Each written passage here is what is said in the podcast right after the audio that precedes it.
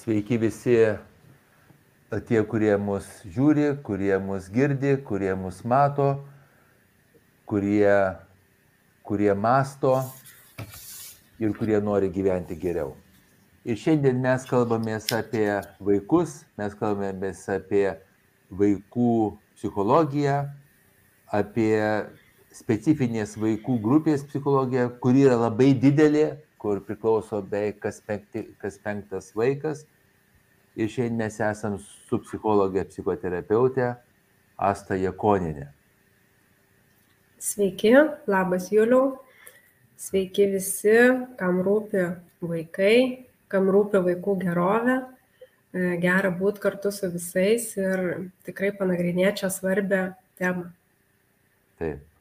Tai tu labai pasakėjai gerą žodį - vaikų gerovė. Taip ir mes turim pažeidžiamą grupę, mes turim e, keletą pažeidžiamų vaikų grupių, bet viena iš jų, galim sakyti, pati gausiausia, aš tikrųjų pasakyčiau, kad pati gausiausia yra taip vadinamieji itin jautrus vaikai. Jie sudaro iki penktadalio maždaug visų vaikų ir tai yra tie vaikai, kurie biologiškai gimė itin jautrus. Tai vienas iš jų esu aš, Nežinau, ar tu asta esi, ar tu priklausai jiems ar ne. Nemanau. tai, tai mes tada kalbėsim iš dviejų pozicijų, nes aš žinau, ką reiškia, ką reiškia gimti itin, itin jautrių vaikų ir iš asmeninės e, patirties. Taigi, Asta, kokiais požymiais pasižymi itin jautrus vaikai? Kok, kas jiems yra būdinga? E, tai kalbant apie itin jautrius vaikus, e, svarbu turbūt paminėti, kad tai nėra joks e, sutrikimas ir tai nėra jokia diagnozė, tai yra tiesiog temperamento tipas, tokia nervų sistemos ypatybė. Ir iš karto galim turbūt prie vieno klausimo, kurį mes gavę esam prieš tai prieiti, kai žmogus klausia, kaip jam pasveikti nuo to. Tai turbūt, Juliau, gal ir tu paskui pasakysi, kad, na, jeigu tai nėra lyga, tai negali ir pasveikti nuo to. Tai kalbant apie vaikus, yra išskiriami keturi tokie pagrindiniai komponentai pagal e, tą autorę, kurios knygą mes turim ir lietuvių kalba, e, Aaron Elaine. Tai ji išskiria tokius e, komponentus kaip e, informacijos apdorojimo kruopštumą ir gilumą Tai vadinasi, tie vaikai labai kruopščiai apdoroja informaciją, kurią gauna iš aplinkos, jie ją apdoroja žymiai daugiau ir giliau negu kiti. Ir mes galim tą pamatyti iš to, kokius klausimus užduoda vaikai. Ir tie klausimai gali būti tokie labai subtilūs, gali atrodyti ne pagal amžių, tokie brandus ir sudėtingi. Mm, taip pat vaikas gali vartoti tokią kalbą, kur atrodo tarsi, na, vyresniam galbūt vaikui yra būdinga, ne, tokius sudėtingus žodžius. E, taip pat šitiem vaikam gali būti būdingas toks protingas humoras, ne, kad jie juokauja, taip atrodo visai, visai jau rimčiau truputėlį, negu jų amžiaus vaikams būtų būdinga. Ir taip pat gali būti taip, kad tiem vaikam gali būti sunku priimti sprendimus arba sunkiau priimti sprendimus, nes jie apgalvoja labai daug įvairių variantų, ne, kurie ir susiję su tuo informacijos apdorojimo kropštumu. Antras kriterijus tai yra polinkis labai lengvai tapti pernelyg sudirbusiam. Tai vien tiktai pasižiūrėjus į tą pirmąjį kriterijų iš karto galim sakyt kad tai na tarsi natūralu kadangi jie tiek daug apdoroja tos informacijos ir taip e, giliai tą daro tai jie ir pervargsta greičiau negu negu kiti. Ir tas pervargimas yra tiek psichiškai pasireiškia tiek ir fiziškai ir taip pat nepamirškim kad kasdieną vaikai susiduria su labai daug naujų dalykų ir tai taip pat prisideda prie nuovargio ir labai veda vaikus prie dirglumo ką mes galim, na, jau matyti kaip tokį tarsi jų elgesį arba mums atrodytų kaip kažkoks, tai nežinau, nepaklusimas ar, ar panašus dalykai. O tai jau yra tiesiog pasiekmė to, ką jie prieš tai patyrė. Ir jie gali labai jautriai reaguoti į triukšmą arba naują pasikeitusią aplinką. Net jeigu mes norim važiuoti kažkur atostogų su tais vaikais, ar ne, kažkur tai keliauti, ir atrodo, ar kažkokia šventė, viskas vyksta linksma, smagu, bet tam vaikui gali atvirkščiai būti, na, nelabai, nelabai džiaugtis, jisai gali, jis gali tiesiog pervarkti nuo to ir parodyti tai savo elgesiu. Ir tėvai turbūt tie, kurie augina šios vaikus, yra pastebėję, kad jiems reikia žymiai daugiau pertraukėlių. Pertraukų, kurioje jie gali pabūti ramiai tiesiog, atsitraukti, palsėti, kad jie na, galėtų atsigauti. Trečias e, komponentas yra emocingumas ir empatija. Tai čia turbūt gali būti tai, ką mes na ir ką tėvai dažniausiai mato ir kas, kas tarsi atrodo kaip tas probleminis kažkoks tai elgesys, tai tos tokios trykštančios emocijos, dėl ko dažniausiai tėvai turbūt ir kreipiasi į specialistus. Tai gali taip atrodyti, kad šitie vaikai tarsi viską įma į širdį. Būna taip tėvai ir sako, atrodo, nu nieko ten tokio neatsitiko, ir, ir taip jau jautriai reaguoja, taip, taip ima į širdį vaikas, ne, tą kažkokią smulkmeną lygtais. Jie labai greit pravirksta. Ir, ir irgi tai gali kelti tam tikrų problemų, ypač jeigu mokykloje ar kažkur per pamoką, pavyzdžiui, vaikas arba per dieną visą, nu, keturias, penkias pamokas, šešias, žiūrint kokio amžiaus, pra, pravirksta kokius tris arba du kartus tai tai jau na jeigu kiti vaikai to nedaro klasėj tai jis tarsi jau gali būt kažkoks tai na atrodyt per jautrus ar kažkoks tai labai jau e, ne toks tarsi kaip kaip visi kiti vaikai. E, taip pat šitiem vaikam būdinga siekti tokio tobulumo. Jie nori tiktai geriausiai padaryti ane kaip gali. Ir labai emocingai reaguoja į menkiausią nesėkmę ir klaidą.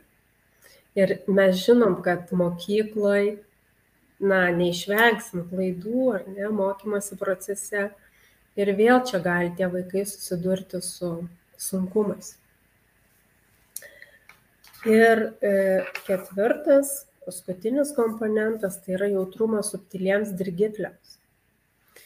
Tai yra imlumas tokiem labai subtiliem dalykam. Gali būti garsam, kvapam, detalėm kažkokiom. Mm, pavyzdžiui, vaikas gali užuosti kažkokį labai keistą kvapą, kuris sklinda iš kažkokios aplinkos ir jisai gali nenorėti eiti į tą, į tą vietą. Ne, gal kokią kavinę ar į kažkokią, tai nežinau, kitą viešą tokią vietą. Taip pat tie vaikai gali pastebėti pasikeitusi balso toną žmogaus, žvilgsnį, padrasinimo ženklą. Ir netgi čia prisimenu pavyzdį iš savo klientų, kai vienas vaikas ir pasako, kai jisai mato, kad jau tėtis grįžęs piktai jį pažiūri. Ir jis jau žino, kad kažką netai padarė tai tai galbūt ne visi tą gali pastebėt. Ane ir būna net mes ir savo klausimuose matėm kad tėvai rašo aš nieko ten vaikui nebaru ar kažko griežtai nesakau ane. Tai šitiem vaikam net nereikia nieko sakyti. Tai tai tas yra labai labai svarbu. Bet kita vertus šitas jautrumas gali vaikui ir padėti. Gali padėti sporte ar meno srity moksle gali padėti jaust kitus žmones. Ir lygiai taip pat šitas tarsi jautrumas gali išnykti tada, kai vaikas yra labai stipriai susijaudinęs arba sudirgęs ar susierzinęs dėl, dėl tų visų dirgiklių pertekliaus. Tai, tai tiek būtų pagal, pagal šitą būtent autorę, kurią aš paminėjau. Gal galiu tu dar kažką nori pridėti? Bandykim apibendrinti. taip labai aiškiai, trumpai. Įtin jautrus vaikas yra įtin jautrus, jeigu jis yra, jis yra jautrus net ir mažiems stimulam, bet kokiem medžiagai, skoniui, kvapui, šviesai, garsui, net ir maloniems stimulam.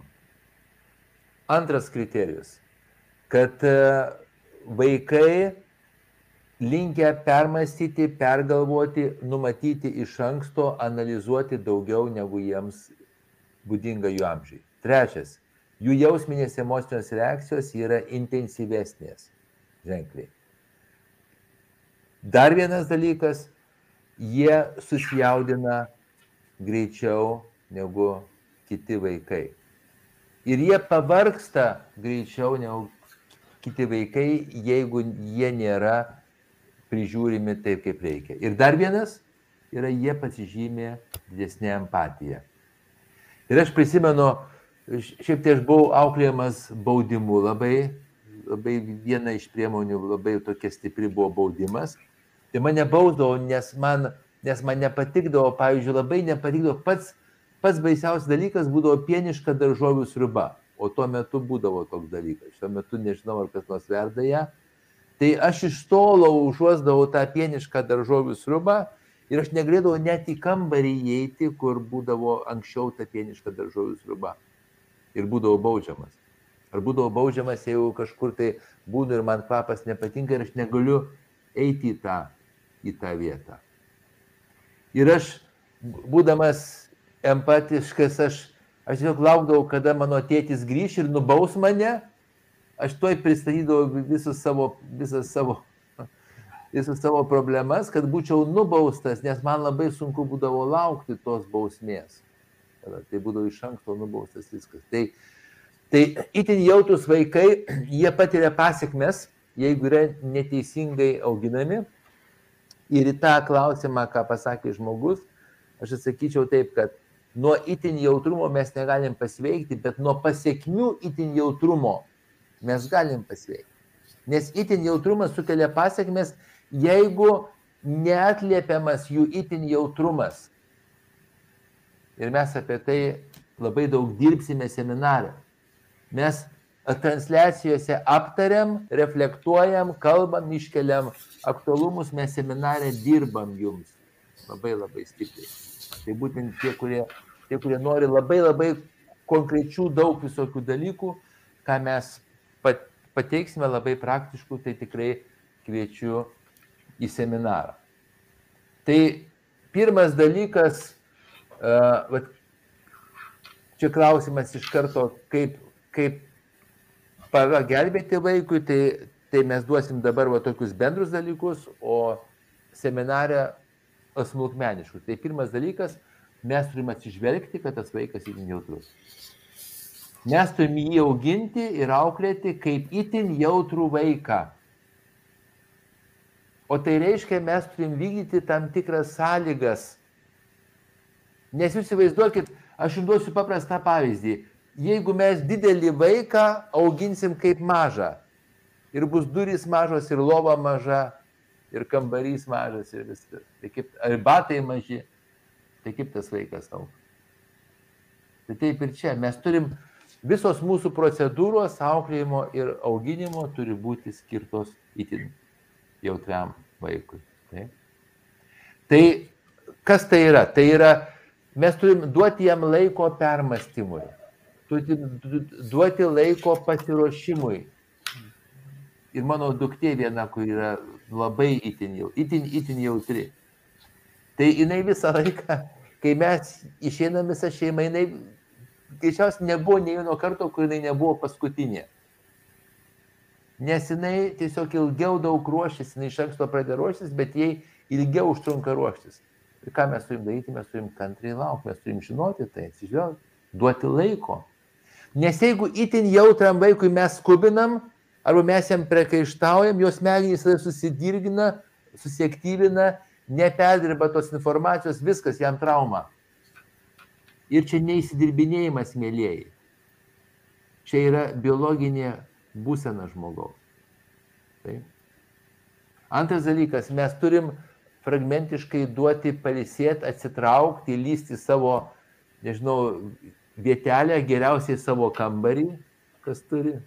Tai arba savo vietelę, būtinai itin jautriam vaikui reikia autonomijos. Pritarė Asta, ne? Kad jis turėtų savo vietelę, kur galėtų atsitraukti ir, ir kaip šiandien girdėjau iš savo šitos duktės, kitai dukrai mano vyresniai sesė, ar tu duosi man privatumo, ar aš turiu teisę, ar aš nusipelniau teisės kažkiek tai privatumo. Jis jau bet tokiais terminais šneka. Jis žino, kad jai reikia, kad jai reikia privatumo. Jis turi perdirbti viską, pergumuliuoti, atsigauti. Tai. Trečias dalykas, ir paskui paprašysiu aš tave, kad yra, mes niekad nekaltinkim ir neprikaištaukim, kad jis yra itin jautrus. Tai pats blogiausias dalykas, nes pas jį labai greitai defektyvumas vystosi. Pat itin, itin jautrus vaikus labai greitai formuojasi, aš esu defektyvus. O mes turim e, jam transliuoti, tu esi itin, tu esi itin jautrus. Tu nesi defektyvus. Tu turi daugybę privalumų. Itin jautrumas suteikia daugybę privalumų. Tu kitoks truputį negu dauguma, bet toks pat negu penktadalis. Ir tiek. Ir viskas. Jis turi validizuoti tą, mes turėtum validizuoti tą jo itin, itin jautrumą. Tai dabar tau truputį perdu, paskui vėl aš ir mes taip eikim. eikim. Kad, kokios pasiekmės, Asta, vat, gal tu gali apie pasiekmės ir aš paskui pridėsiu, kokios pasiekmės dar būna, jeigu vaikas itin, itin jautrus, netinkamai auginamas. Jo, iš tikrųjų apie tą ir gėdos jausmą, mm, ką sakėjai, tai manau yra svarbu tevams ne tiek išmokti teisingai ir, ir atsakyti vaikui kažką ir, ir e, validizuoti tą jo jautrumą, bet e, lygiai taip pat pirmiausia turbūt pakeisti savo požiūrį tai. Nes tie vaikai gali pajausti E, tėvų gėda, pavyzdžiui, ne, jeigu ten darželį ar kažkokiai grupiai vaikas ėjo, pavyzdžiui, ir nepasisveikina, nu jam gal reikia ten irgi pasiruošimo kažkokio ar panašiai. Ir, ir mama tarsi arba ten tėtis, nežinau, jaučia kažkokią gėdą už tą vaiką arba pasako dar kažką. Tai va tam vaikui irgi tas, tas jausmas yra labai toksai, na, jis jaučia ir, ir lygiai taip pat tą defektyvumo gėdos E, gali formuotis žinutė. E, taip pat, manau, labai daug, kiek aš matau ir savo klientų aplinkos rato, kad labai daug problemų kyla dėl emocijų. Kai vaikai emocingai reaguoja į kažką ir, ir va tą irgi labai svarbu tevams vėl suprasti, kad, kad na, tos emocijos yra tik emocijos ir kad jos praeina ir vaikui lygiai tą patį mokyti jį, ne, kad tas, mm, tai tik emocija dabar e, apėmė tave, užėjo ir, ir tai praeis. Ir išmokyti, kaip su tuo išbūti, kaip su tuo susitvarkyti. Ir kad tai nu nėra ir nerodo jokio kažkokio tai vaiko ten, nežinau, netinkamumo, ta, ta jo, tai, kas jį apėmė. Arba, pavyzdžiui, kai vaiką apima tą emociją, ir suaugęs tau sako, nu, nejausk jos, tarsi, ne? Tu, tu dabar nebijok, ar ko tu čia dabar bijai, ko tu čia dabar eigi, bendrauk su visais ir panašiai. Bet tikrai gali būti, kad tam vaikui reikia laiko, kaip ir sakai, toj pačioj bendramžių būry gal ar kažkur įsilieti, ten koks gimtadienis ar kokia šventė vyksta.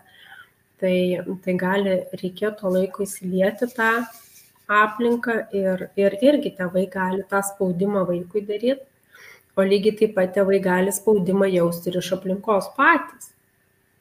Kai, kai jiems pradeda kažkas tai sakyti, ar ne, kad kaip čia tavo vaikas e, jautrus labai, arba čia žiūrėk taip kažkaip, gal jį parodė kokiam specialistam, kodėl jis čia taip elgesi, ar panašius dalykus. Tai tą spaudimą gali jausti ir tėvai iš aplinkos.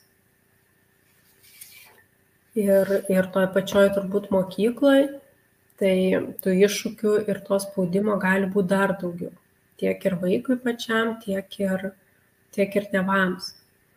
Nes ten yra ir laikas struktūruotas, ten yra ir, ir kažkokio rezultato siekimas, o vatitin jautriem vaikam tas gali būti labai toks e, dar papildomas dirgiklis, kai reikia kažką greičiau atlikti arba, ne, kaip, kaip ir sakė apie savo dukrą, kai reikia kažkokio rezultatą siekti, kažkur, kažkur tarsi, e, na, kreipti savo tą darbą, tai jie gali vėl jausti labai labai daug tokio, tokio streso ir įtampos ir dar jeigu aplinkui aplinka vaikai kiti kažkokius komentarus sako tam vaikui tai tai irgi jam tiesiog gali tas sprogimas įvykti labai labai lengvai mokykloje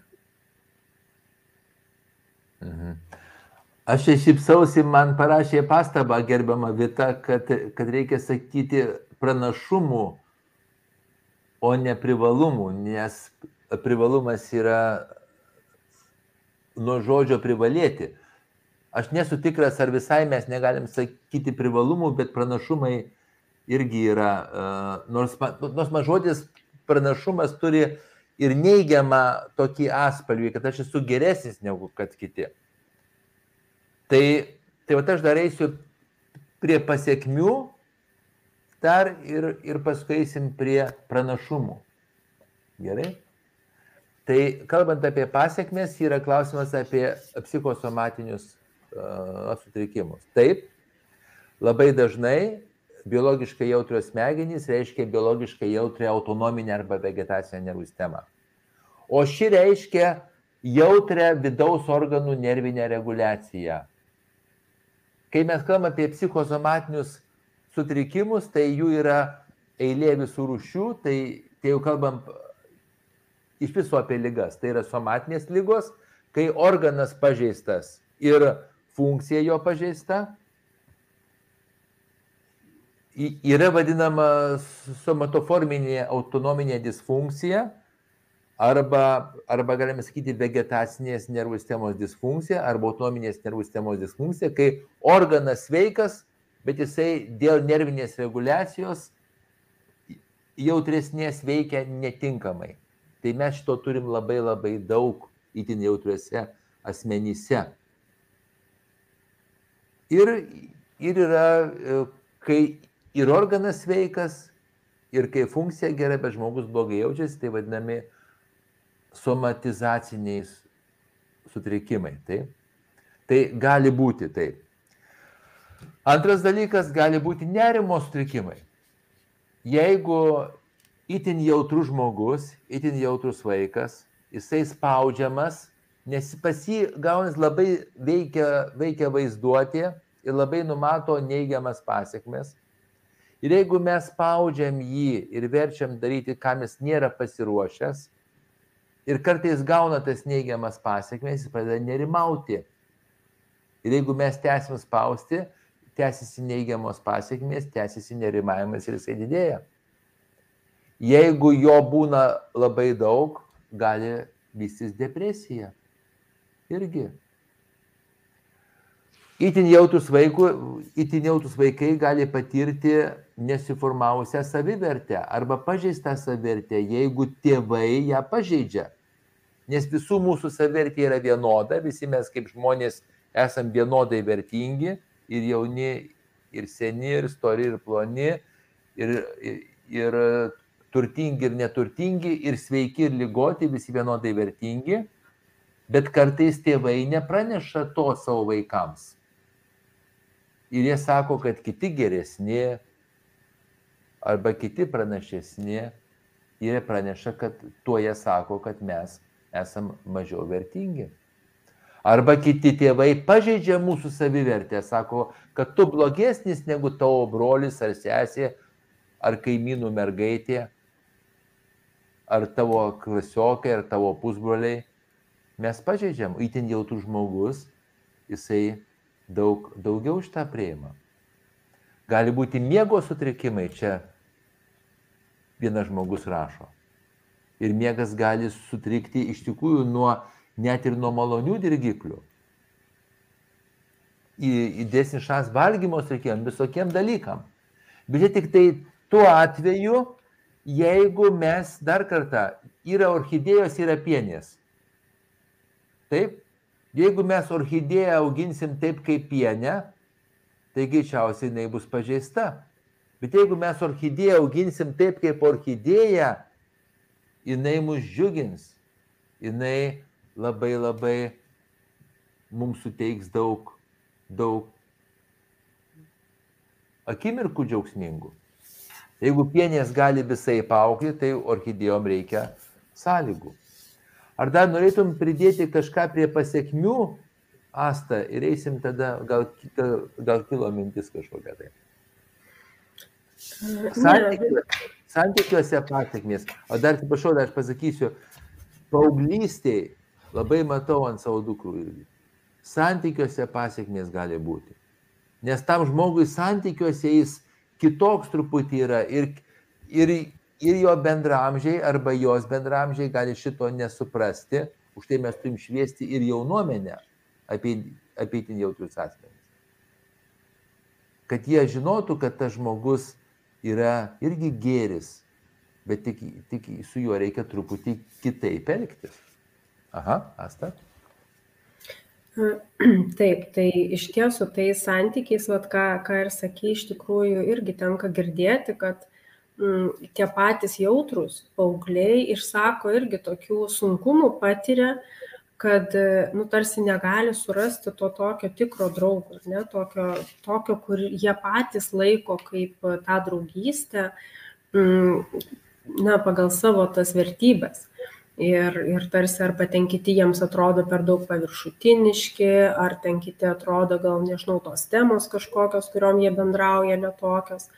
Ir tikrai toj pačioj bendramžių terpiai e, gali būti sunkumų. Ir vėl, jeigu jisai ten tarsi iškrenta arba jaučiasi kažkoks kitoks, pavyzdžiui, savo klasiai, tai tas irgi prisideda prie tos e, menkos tokios, e, na, pasitikėjimo savim arba savivertės pažeidimo, ne, tokio formavimuose, kad, na, kaip, kaip tu jauties keistuolis tiek savo šeimoje, tiek savo bendramžių terpiai, tai labai, na, prisideda prie to. Tai jeigu vienas tik vaikas toks šeimoje yra, o visi kiti nariai nėra jautrus, tai irgi turėjau tokių pavyzdžių, Ir, ir jeigu dar nesupranta to, nepriima, kad tai yra na, jautrumas arba kad tai toks tiesiog temperamento tipas, tai, tai tuomet ir, ir, ir net ir išsako ir jaučiasi vaikas, kad na, kažkoks netoks tarsi, ne, kad ne toj šeimoje gimė arba iš vis net ne toj planetui. Tai gerai, galima į toliau. Einam tada prie pranašumų. Tai kadangi aš esu itin jautrus, bet aš, bet aš visai džiaugiuosi savo gyvenimu, tai galima sakyti, kad aš, kad aš žinau pranašumus. Tai e, itin jautrus asmenys, jie linkia apmąstymams.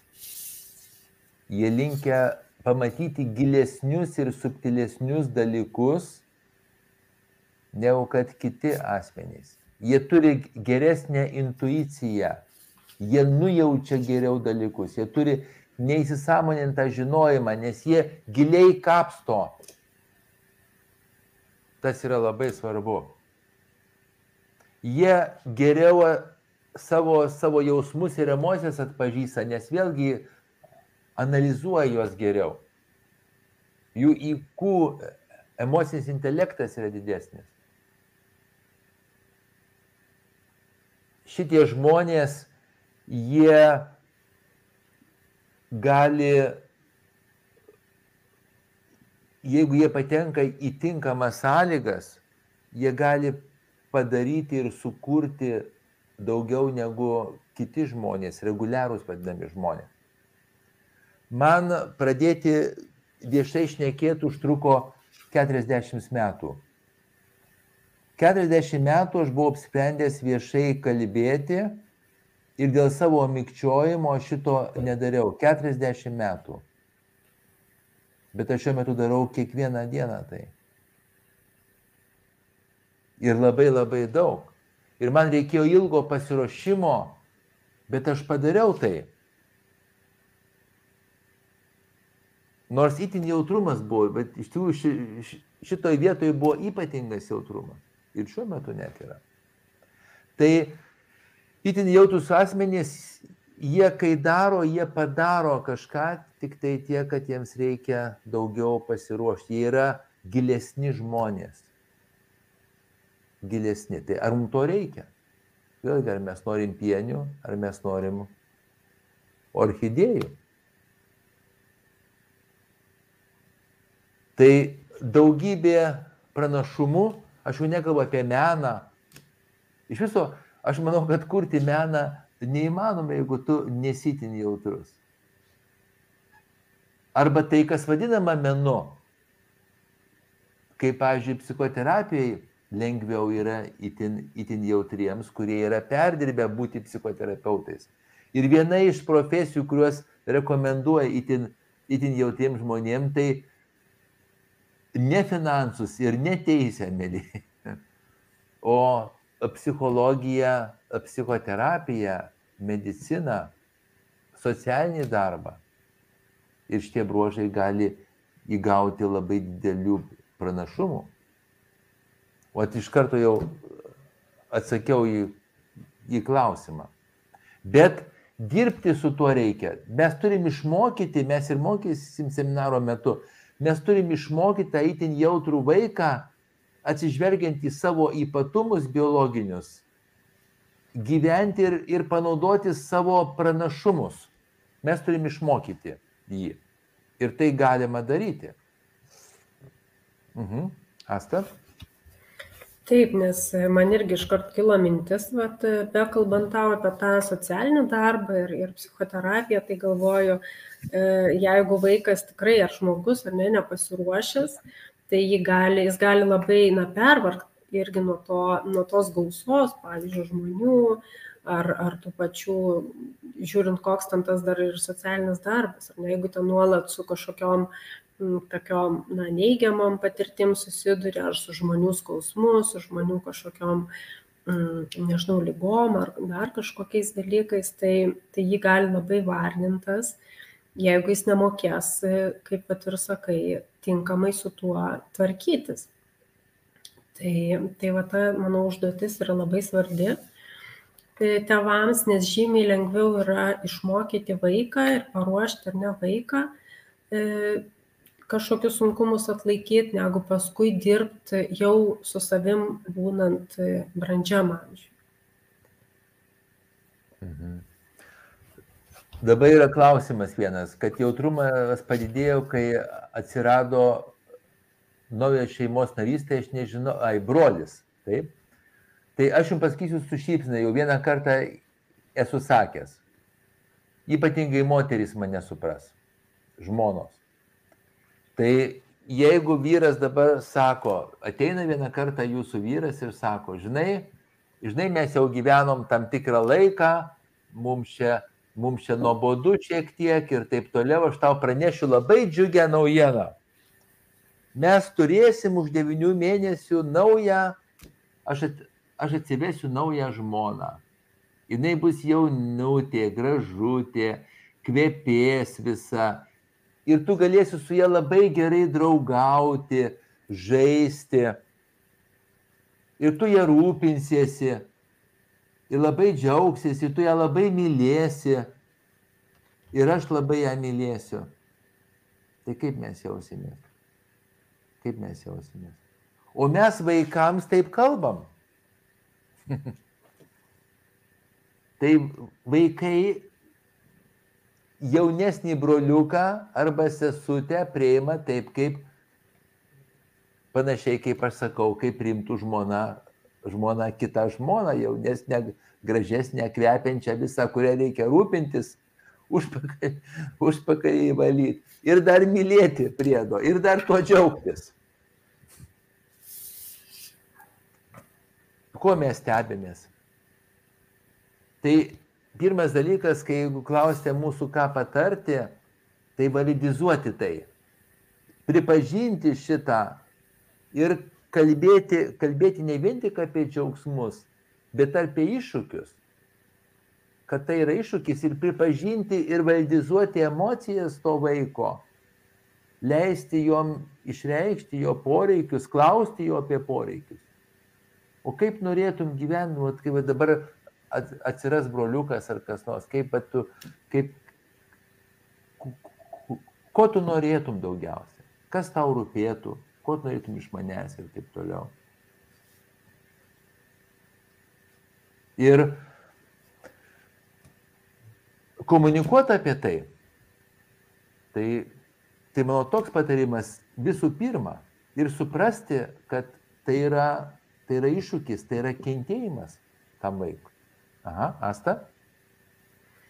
Jo, iš tikrųjų apie tuos brolius sesės dar svarbu turbūt vėl, ką prieš tai kalbėjome apie autonomiją, kiek šitiem vaikam yra svarbu ar ne, ir jeigu tas, tarkim, jaunesnis m, atsiradęs brolius ar sesė jau paskui, kai jisai bėgioja, vaikšto, smalsauja, tyrinėja, lenda labai to vaiko erdvę asmeninę, į daiktus ir visa kita, tai jį natūraliai gali pykdyti ir gali sukelti tikrai stipres ir emocijas ir jisai gali išsakyti, ne, ir nekenčiu ir dar kažką. Ir tai tėvus labai nugastina ir jie dažniausiai baudžia tą vaiką vyresnį, nu kaip tu čia taip gali kalbėti. Tai negalima taip su broliu ir visa kita. Ir vėl jisai lieka toks kaip nesuprastas, pats tarsi kaltas, ar ne, kad nesusivaldė ir dabar e, taip sako, nors jam buvo pažįsta tai, kas jam, na, gyvybiškai svarbu yra.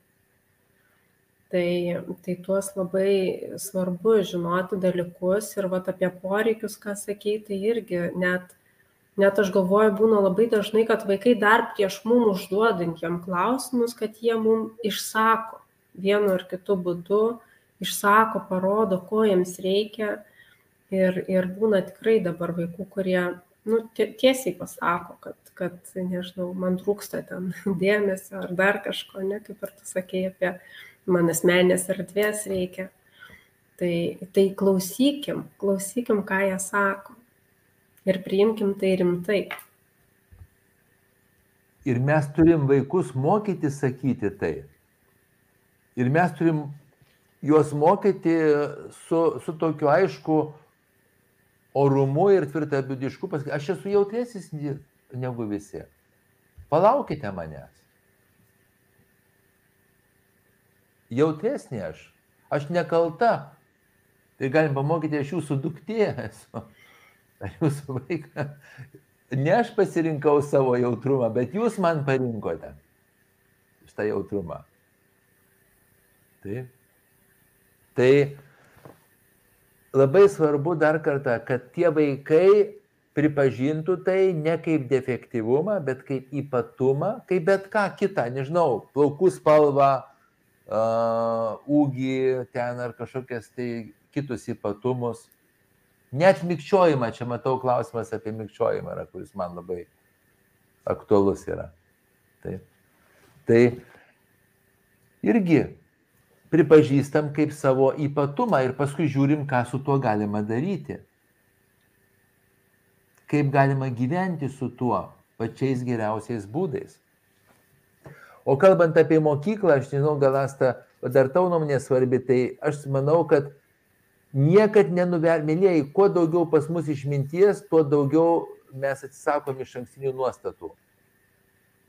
Kad mokyklose taip ar mokyklose taip yra Visko yra, visko, nuo, nuo vieno kraštumo iki kito kraštumo. Bet nuo mūsų labai daug priklauso.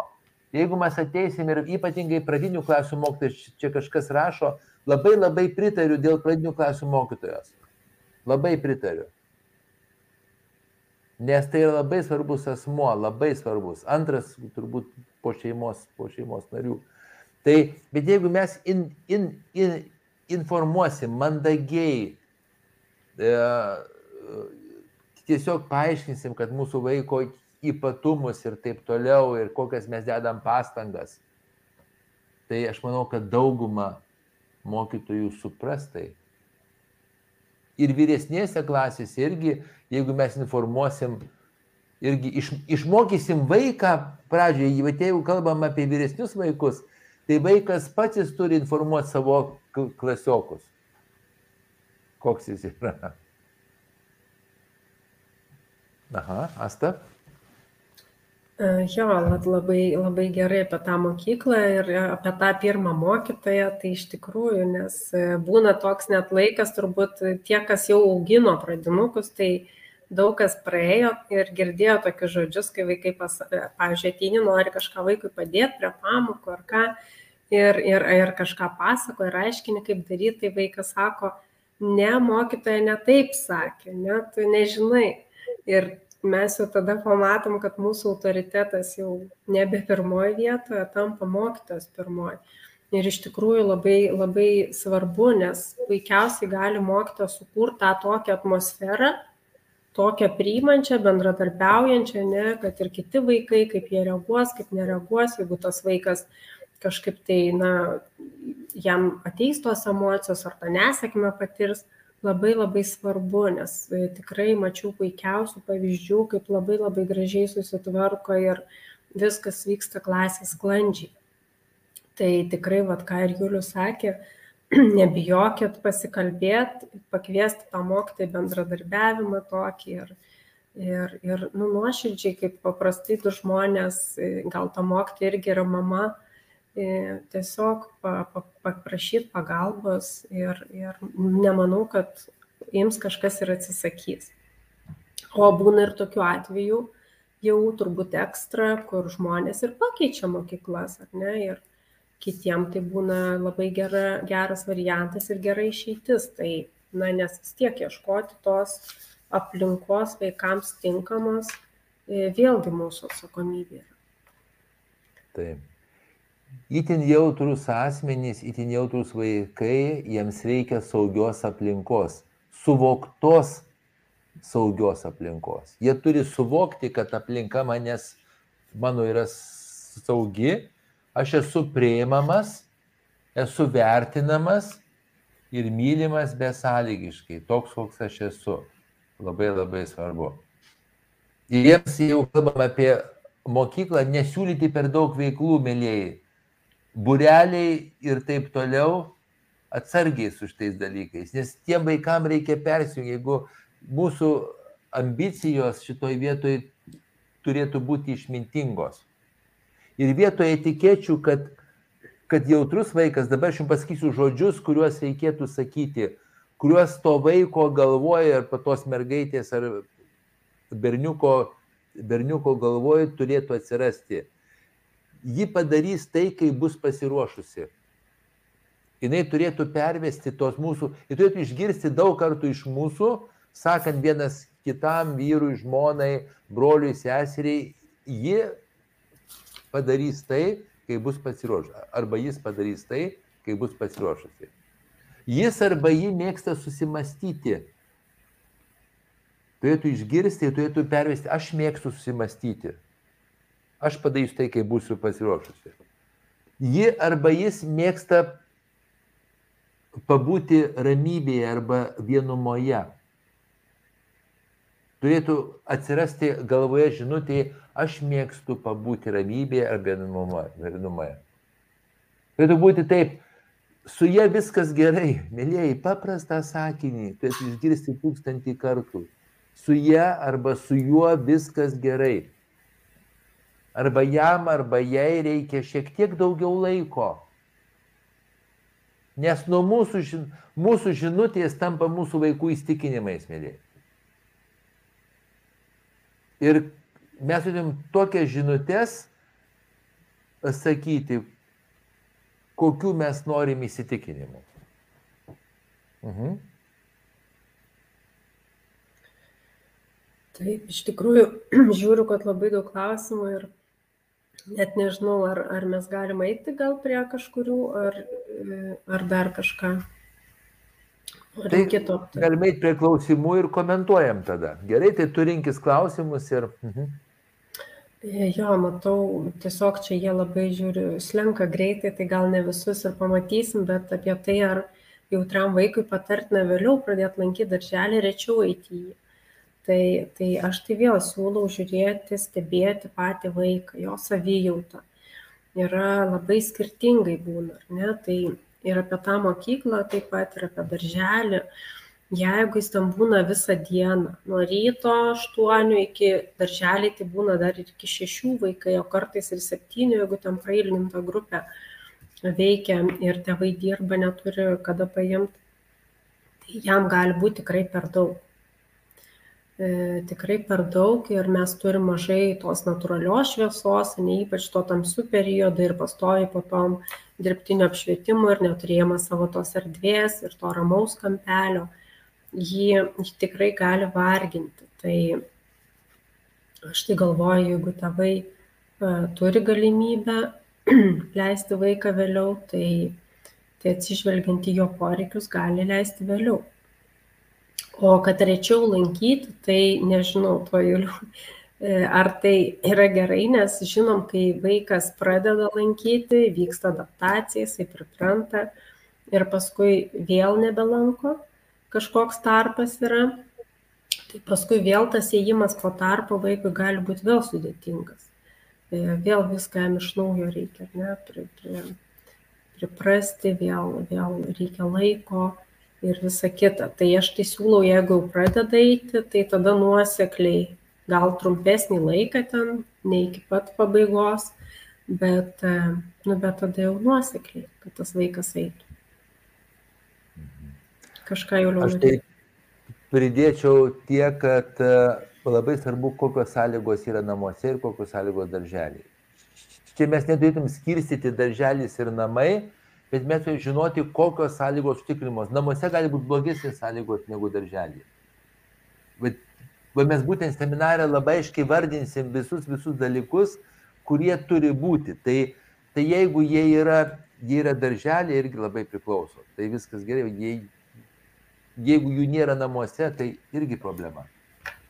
Tai vaikas turi jausti saugiai. Tai antras dalykas, jis turi adaptuotis, va labai gerai Asta sakė. Tai jeigu mūsų tikslas yra harmoningai derinti jo užtikrinimą, jo saugumo ir tokį, uh, kokį žodį pasakyti, jautrų auginimą su jo psichologinio atsparumo didinimu, derinti harmoningai, mėlyjei, tai mes pasieksim labai labai gerų rezultatų. Bet neperspausti, didinant jo atsparumą, neprievartaujant, jokių būdų neprievartauti šito vaiko, jį laistyti. Jeigu mes norim, kad gėlytė auktų, mes neturim jos traukti, taip, mes turim ją puoselėti tenais laistyti ir trešti ir jinai auks. O jeigu mes ją trauksim, jinai, jinai žus. Tai jautriai auginam ir kartu, kiek vaikas prieima, su jo atsiklausimu, mes didinam jo psichologinį atsparumą ir adaptyvumą ir prisitaikymą. Ir Asta puikiai žino, mes būtent kognityviniai elgesio terapijoje tą labai gerai mokom, per ekspozicijas. Tai yra labai lėtas įėjimas į iššūkį, labai labai lėtas su nuolatiniu atsiklausimu vaiko. Ar mes galim daryti tai, galim daryti tai, galim daryti tai. Aha. Asta, jau mes matom daug klausimų, tai mes galėsim sutelkti dėmesį klausimams. Jo, ir, ir kaip tik matau anksčiau užduotas Ingos, gal klausimas irgi apie tą patį panašiai mokykloje kad stengiasi praleisti kuo daugiau laiko, nes mato, kad bendravimo sunkumų turi vaikas. Ir, ir, ir sako, kad iš aplinkos tarsi patiri, patarimų sulaukia, kad ilgiau būtų tas vaikas. Tai ką tevams daryti? E, tikrai ilgiau nereikia, aš manau, kaip ir, kaip ir sakė jau Julius, nes aš dabar šiaip matau tie vaikai po mokyklų, pavyzdžiui, ketvirtą kokią tik grįžta netgi be būrelių. Ne, yra mokyklų tokių dar prailgintos dienos, kaip vadinamos, kur vaikai ir iki šeštos vakaro praleidžia. Tai, tai e, nemanau, kad jie, na, ten turi kur e, palisėti ir visa kita. Tai jeigu norim tom veiklom labai labai daug užpildyti jų tą dieną tai namuose tada irgi ta aplinkos saugios tokios e, ramybės kampelio gal kokį įkūrimas būtų labai tokia gera, gera jam, tam vaikui vieta, kuris gali tiesiog nurimti, pabūti, pailsėti, kad tai yra tik tai jo toksai kampelis. Nes jeigu vaikas grįžta po visos dienos mokyklos ir, pavyzdžiui, labai nori dar kompiuteriu pažaisti, ar ne, ir paskui jau, kai pažaidžia, jau reikia pamokas ruošti, tai irgi būna, kad tėvai labai, na, skundžiasi, kad prie pamokų paskui būna daug, daug emocijų ir daug visokių tų sunkumų. Tai gali būti, jeigu ta diena taip ir eina vaiko, be jokio, na, pabuvimo, atsitraukimo ramiai, nes kompiuteriai irgi dirgina, ar ne, jų, jų tą sistemą labai, jie labiau įsitraukia į tą žaidimą, kurį jie ten žaidžia arba žiūri, daugiau visko išgyvena jau pagal jų tą visą e, apibūdinimą, ką pradžioje kalbėjau. Tai, tai jisai aišku, kad ramiai kažkaip tų pamokų atlikti gali ir negalėti tiesiog. Mhm. Aš tada perinu prie klausimo apie Vladimirą, Vladimirą Putiną, jeigu vaiką Vladą vadina Vladimiru Putinu. Tai tuo, tuo aš sakyčiau ir rimtai, ir su šypsena. Taip, taip pradžiai rimtai. Tai aš bent siūlau nueiti pas tą mokytoją ir pasiklausti, pas, pasakyti vaikas truputį jaudinasi, kad, kad, kad va, jūs taip įvadinate Vladimiru Putinu, bet aš netikiu, kad jūs taip galite, nu, netikiu, kad taip vyksta, gal čia kažką vaikas sumaišė. Sumaišė, gal jūs net ir nevadinate taip jo nu, čia pusiau jau su, su šypsena, taip. Bet jeigu kas nors įvadintų, tai, tai jam labai nepatinka ir, ir mums tai nepatinka. Ir jeigu būtų galima taip nevadinti, tai mes labai džiaugtumėmės ir būtumėm dėkingi.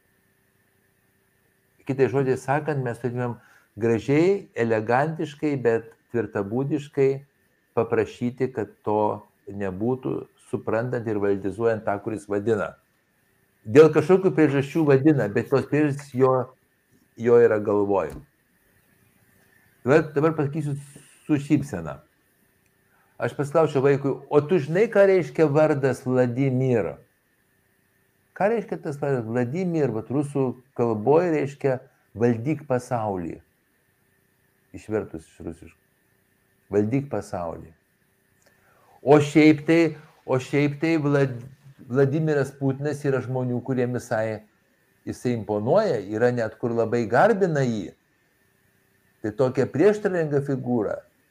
Ir sakyčiau, vieni labai garbina, kiti labai nepatinka jiems, taip. Bet tu būk, tu būk Vladu. Tu niekada nebūsi Vladimiru Putinu. Tu būk Vladu, ten nežinau, Jonaičio ar, ar, ar kažkokiu tai, čia tavo vardas. Ir kai tau kas nors tave vadins kažkuo tai kitu, vieną kartą Putinu, kitą kartą gal nežinau, kokiu nors ten, nežinau, snarglium ar mažiu ar dar kažkuo, pasakyk mano vardas Vladas. Aš noriu, kad jūs mane vadintumėte Vladu. Tai mes mokom tą vaiką gražiai, uh, tvirtabūdiškai atstovėti save. Ir čia kartu mes ugdom juos savirtę. Ir atsakau į klausimą apie savirtę dar. Mes negalim pakelti savirtės. Užmirškim, nežinau, kas manęs klauso, tas girdi. Savirtė yra vienoda visų žmonių. Mes galim tik informuoti vaiką apie tai, kad jinai tokia vienoda kad jinai tokia pati jo kaip ir kitų vaikų, ir kitų žmonių, ir mūsų, ir taip toliau. Ir tais visais būdais valdizuoti jo jautrumą. Kad niekas, jokie jo ypatumai, jo vertės žmogiškosios nesumažina. Jokie jo ypatumai. Pažiūrėjau, pažiūrėti Forestą Gampą. Jeigu tas vaikas dėsis, pažiūrėkite kartu filmą Forestas Gampas. Ten yra apie autistinio spektro sutrikimą ir aptarkite šitą filmą. Tai yra fantastinis filmas, fantastinis. Ir mes turim nepadaryti, kas pažeidinėtų jo savertę. Mes turim jo niekada neapkaltinti dėl to, kad jis toks yra. Mes turim nuolat priminti ir savo, ir jam, kad jis yra žmogus, vertingas toks pat kaip visi kiti, o kadangi jis mūsų sunus, tai mes jį mylim besąlygiškai. Visokį, visokiomis aplinkybėmis, įskaitant ir priepolius, kurie, kuriuos galasta atsakys ir aš pridėsiu dar kažką. Jo. Tai kaip nuraminti vaiką, kuris, kuris e, labai, nežinau, man tai isterijos priepoliai šiaip nepatinka toks žodis, kurio, kurio emocijos liejasi per kraštus, tai pirmas dalykas, aš tai visą laiką, aišku, siūlau tevams pastebėti signalus iki to priepolio, ne? nes dažnai būna kažkaip eina žingsnis po žingsnio, ne? kaip ir šiandien su vaikais dirbom, tai e, piešia vaikai, kaip jų ugnikalni kaupėsi, jų pyktis, ne? vienas kažkas kažką padarė, kitas, trečias ir taip e, lašas po lašo, kol ta isterija jau tikrai tada atsitinka. Tai siūlyčiau iš pradžių taip labai nu, va, kaip tyrėjui kokiam, nežinau, kaip čia dar įvardinti, pastebėti savo vaiką nuo ko tai prasideda, kas jį, kokie ten trigeriai jam atsitinka. Ir jau maždaug tėvai paskui žino, kad jau gali tarsi būti, ar ne, jau, jau matom tą signalą. Ir aišku, lengviausias būdas tai yra užkirsti kelią tam ankstesnėme etape, kol dar neprasidėjo. Bet e, kai jau vaikas labai įsiaudrinęs ir įsijaudrinęs, tai vėl svarbu, kokio amžiaus tikriausiai vaikas nes mažesnį vaiką mes galim gal apkabinti, e, palaikyti tiesiog apkabinus, kad jis jaustų saugumą, tą šilumą, tokį švelnų tarsi spaudimą, bet ne per stipriai spaus, ne iš pykčio pačiam, bet, na, taip saugiam gleby. Taip pat galim, nežinau, glostyti galvą ar ne ir sakyti raminančius žodžius. Jeigu vaikas to nenori arba yra vyresnis, tai tai vėlgi turėti priemonių ir jeigu žinom, kad vaikui tai dažnai nutinka, e, turėti priemonių, siūlyčiau ir apsitart su vaiku paskui ramybės būsenai, išbandyti dalykų, būdų ar ne, ką mes galim daryti.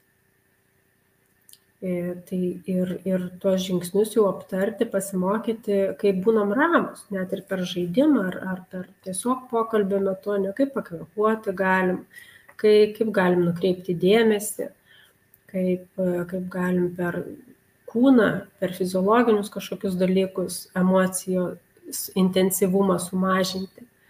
Tai, tai tiesiog e, po truputį aš tai siūlyčiau ir, ir na, toks ilgas, ilgas darbas ir ne tai, kad tik tai čia ir dabar nuramint vaiką, bet daugiau siūlyčiau žiūrėti taip gal plačiai, kad apskritai mokyti to įgūdžio, atpažint emociją, kad man kyla, aš atpažįstu, kad vaikui kyla ir, ir ką daryti su tuo. Mhm. Tai pridėsiu šiek tiek. Jeigu mes kalbame apie tai, ką žmonės vadina isterijos priepoliu, nors tai nėra medicininis terminas dabar, čia yra labai liaudiškas, liaudiškas terminas, mes nesakom taip, tai visada jisai turi kažkokius tai nepatenkintus, visada yra priežastys. Visada yra kažkokie nepatenkinti poreikiai ir nemokėjimas tuos poreikius išreikšti ir juos tenkinti, mėlyjei. Tai aš iš viso grįžčiau prie to, kokie poreikiai vaiko yra nepatenkinti, nenorai, mėlyjei, bet poreikiai yra skirtumas. Poreikiai yra šaknis, noriai yra lapai. Šaknis mes turim maitinti ir turim jomis rūpintis. O lapai, gali, jie nukrenta, vėl pasikeičia ir taip toliau. Mes turim atsižvelgti ir validizuoti ir besąlygiškai tenkinti vaiko poreikius, bet nenorus. Jaučiam skirtumą. Ir vaiką patį išmokti atpažinti šitos dalykus, po truputį, žingsnis po žingsnio. Tai, tai va labai svarbu, ką Astas sako, atpažinti visą grandinę, kuri priveda jau prie priepolio. Aiškiai, jeigu įvyko priepolis, tai buvo praleista eilė grandžių mėlyjei. Aišku, įskyrus tą atvejį, jeigu vaiko smegenys jau yra itin, itin specifiškos, taip, arba čia atrašo apie specialiuosius poreikius, taip, tada tas gali užsidegti, užsidegti tas žaibas labai greitai ir be jokių ten didelių stimulų, bei bet kokį, į bet kokį stimulą gali, į švieselę ar kažkur tai. Tai Tai va, ta, va tas labai, labai labai yra svarbu. Taip? Ir tada va, va, labai gražiai rašė, aš tik tai vardo ne, ne, nemačiau, labai gražiai parašė, parašė gerbiamą Justiną iš asmenės patirties.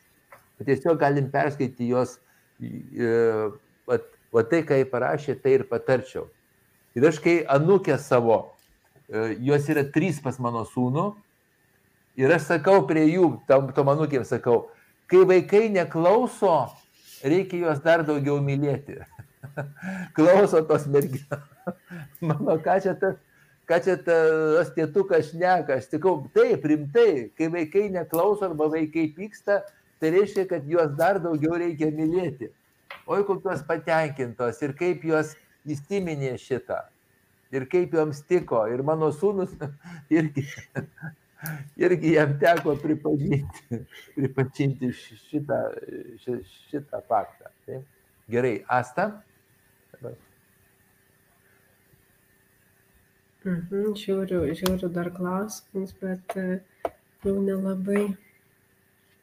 Aš tada, tada aš eisiu prie kito klausimo. Jeigu mhm. kitas vaizdas, tu paieškok, yra dar klausimų nemažai, bet yra klausimas, kaip apsaugoti jautrius vaikus, jeigu šalia yra specialių poreikių vaikas. Ir aš tik tai pacituosiu, kelia triukšmą ir kelia destrukciją. Vienas iš būdų yra paaiškinti tam vaikui, kad tas vaikas nekaltas, kuris, kuris specialių poreikių, tai pasiveikia smegenys, mes visi esame labai skirtingi ir mes galim truputį atsitraukti, nueiti į šalį. Tarp kitko, pasitrauk... Aš šiaip esu labai už vengimą, labai e, prieš vengimą, prieš vengimą esu labai. Bet tokiais atvejais esu už vengimą. Tai yra atsitraukiu, nes matau, kad konfliktas vyksta, kuriuo aš nesuvaldysiu niekaip, su juo nestvarkysiu ir aš, ir aš nueinu ir atsitraukiu į savo kamputį. Arba mokau tą vaiką kažkaip pasakyti, aš čia E, manęs neliesk, manęs negalima liesti ir taip toliau, manęs. Mes turim, mes turim mokyti vaikui susikurti saugumą net ir tuose situacijose. Jeigu tai mums nepasiseka, mes turim, mes turim mąstyti tada, ar tikrai tenais mums yra vieta toj vietoj, kur, kur tam vaikui nėra visai resursų kur truputį atsitraukti, kur truputį perdirbti šitą informaciją ir atsigauti. Tai gal čia ne ta vieta yra. Aha, Asta. Taip, man labai patiko Ingridas komentaras, kurį parašė apie irgi iš savo patirties, apie ritualus prieš taip, miegą. Taip.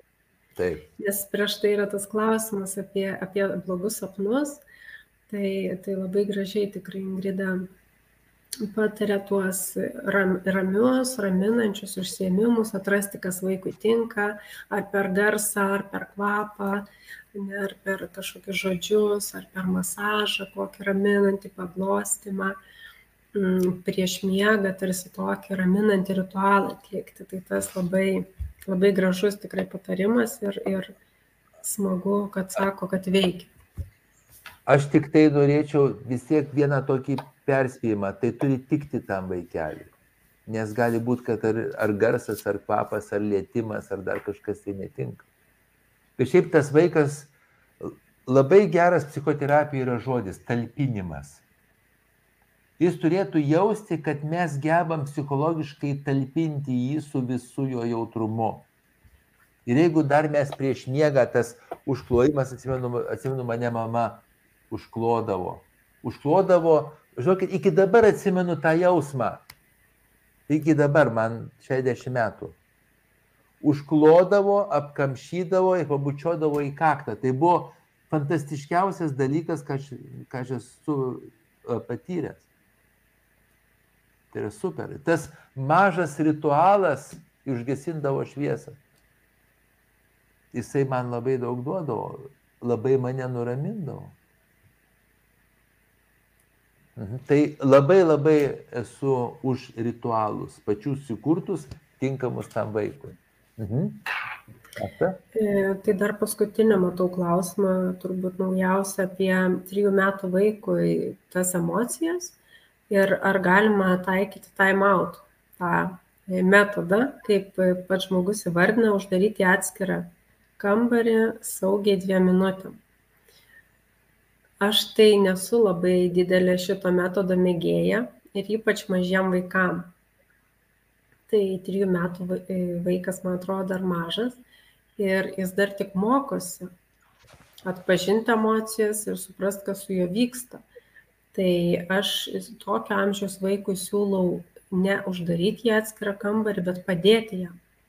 Nes dabar jam yra labai sunkus metas, tai kodėl tuo sunkiu metu, kai vaikui reikia mūsų pagalbos, mes norim jį atskirti ir tarsi tu tvarkykis vienas pats. Tai tai su vyresniais vaikais jeigu jie nori pabūti vieni tai taip čia kitas klausimas bet mažiem aš kažkaip siūlau to nedaryti. Nežinau juliau gal tu kitą nuomonę turi? Uh, ypatingai jeigu jis priima tai kaip bausmę. Ypatingai. Ir kai kiti sako sako nusiraminimo kambarys tai kaip bausmė.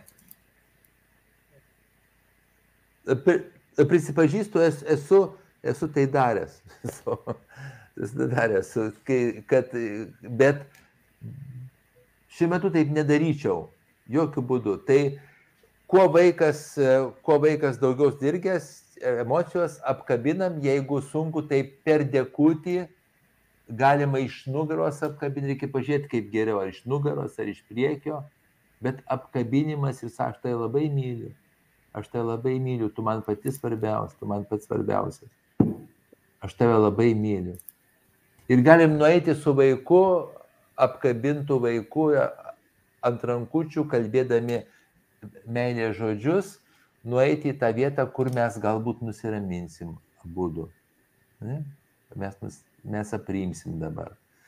Tokie vaikai turėtų girdėti žodį aprimti, įgauti ramybės, nusiraminti.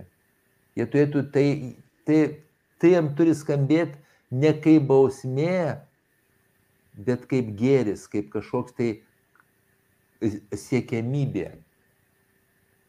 Bet meilė, aš dar kartą, kuo daugiau vaikai įeina į emocijas, tuo daugiau juos reikia mylėti.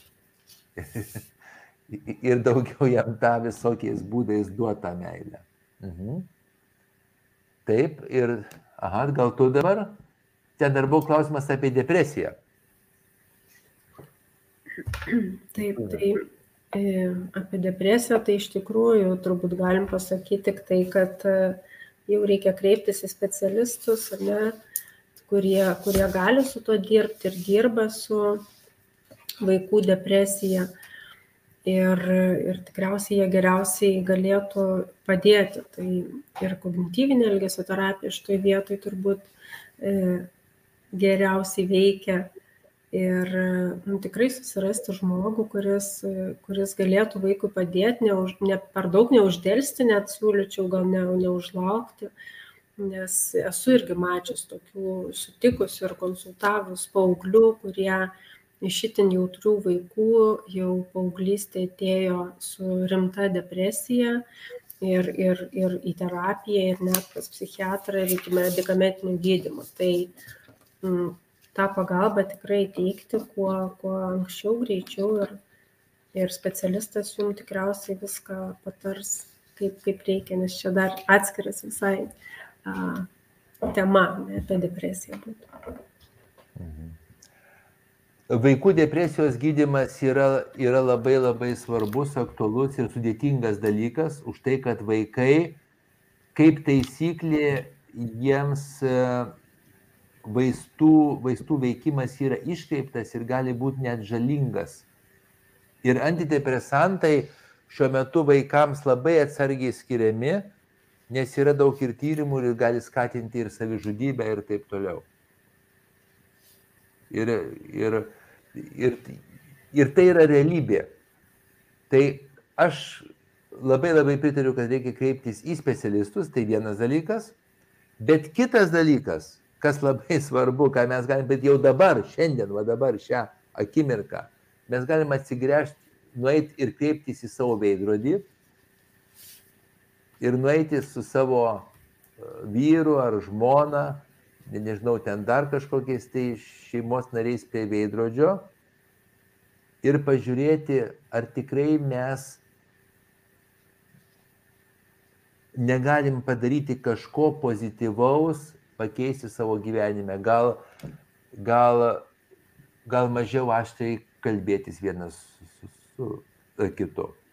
Įtin jautus vaikai, tarp vienas dalykų, jie, kai tėvai diskutuoja aštriau, jie galvoja, kad jie pykstasi. Ir man teko savo vaikus mokyti ir edukuoti, kad mes čia nesipykstame, mes diskutuojam. Nes jiems šitas, šitas labai jautru. Gal šitą keisti, gal pozityvių emocijų, gal mes esam nuolat nuvargę, va, vėl kainos vėl pakilo, vėl ten paskola, ar tu uždirbai ten tą 30 eurų ar ne šiandien ir taip toliau. Mes turim galim pasigalvoti, ką dar galim mes padaryti. Fizinis aktyvumas, gamta, gamtos poveikis esant depresijai labai labai labai labai išmingas dalykas. Jeigu depresija yra tokia stipri, kaip sako net ir vaistai, tai gali pažiūrėti genetinę, genetinę liniją ir informaciją. Aš kaip gydytojas galiu pasakyti, jeigu, jeigu genetiškai yra polinkis vienai lygai kažkuriai tai, o kartais būna iš abiejų pusių tas yra polinkis, ir iš mamos, ir iš tėčio, tada pradžiai renkami vaistai ir būdai, kurie tinko, e, tinka tiems e, tėčiui, mamai ar, nežinau, dėdėjai, tėtai ar močiutė ar kam. Bet tikrai šiuo metu yra galimybių gydyti, gydyti depresiją, tikrai yra. Tai va čia jau, čia žmonės jau, jau, jau siūlo ir vietas, ir ta pati asta jakoninė, aš manau, ar tu dirbi su depresija? Dirbu. Ja, tai va, tai gerai. Tai ką tada? Ar turim dar klausimų? Aš jau daugiau naujų nematau. O iš, o iš anksčiau, nes aš neturiu ankstyvų klausimų. Va. Jo. Ai, kaip elgtis vaikui pradėjus mikčioti, čia man klausimas, tai patiems kalbėti lėčiau, ramiau ir sakyti taip savo vaikeliui. Kai tu greitai eini, tai tau lengva užkliūti. Kai tu lietai eini, užkliūti sunkiau daug. Taip? Tai patiems lėtinti kalbą ir tada vaikelis mūsų, jisai irgi lėčiau pradės kalbėti. Čia manau, kad penktas klausimas apie tai, ką mes šnekėjom. Vienas buvo klausimas apie mhm. svetimų žmonių baimę. Taip. Vienu metu mergaitė, kad bijo. Metų mergaitė. Mhm. Jo, tai aš galiu truputį pasakyti, tada gal tu papildysi. Mhm. Tai kažkur apie, turbūt pagal raidos psichologiją jau galim sakyti, ne pagal raidą vaiko, kad apie aštuntą kažkur mėnesį atsirasti gali jau tas svetimų žmonių baimė, kai vaikas tiesiog atpažįsta, mhm savus veidus, savus žmonės ir, ir svetimus. Ir tai gali būti tiesiog natūrali raidos dalis. Nebūtinai, kad kažkas jau tokio e, negero. Ir tai dažniausiai pasibaigia ties antrais metais, ne iki antrų metų, jeigu tai yra tiesiog ta, ta įprasta raida. E, jeigu ten vaikui ir toliau, nežinau, tęsiasi tas arba atrodo kaip problema, tai vėlgi tie patys turbūt panašus žingsniai švelniai iš lėto po truputį galim pradėti e, pratinti tarsi, ne kabutėse, vaiką prie tų svetimų žmonių. Tai jeigu vaikas dar nevaikšto, yra mažas kūdikis, nešioti nešiokliai, jeigu saugu, pažiūrėjau, veidų į išorę, ne, kad matytų kad žmonių, kitų yra visokių žmonių, kad svetimų žmonių veidus matytų. Jeigu norim kažkokią auklę samdyti, gal ne, reikia, mum, nu, reikia, reikia, kad priprastų. Tai vėlgi pasikviesti žmogui namus anksčiau, po truputėlį, padaryti kažką visiems kartu labai linksmo tokio, kažkokius žaidimus, kad vaikas matytų, kad nu, saugu yra su tuo žmogum. Ir mes patys su svetimai žmonėm bendraujam e, pagarbiai, gražiai, švelniai, pozityviai. Ir na, tiesiog vaikas nejaus jokios grėsmės iš to. Mhm. Ir dar turim, taip, aš pritariu, ir, ir dar turim vieną klausimą apie šių su pusę metų vaiką, kur, kuris pasikeitė truputį ir, ir labai stipriai reaguoja į tai, kas jam, kas jam nepatinka. Tai e, čia daug visokių variantų gali būti, ir aš patarčiau su tokiu vaiku kreiptis vis dėlto į specialistus.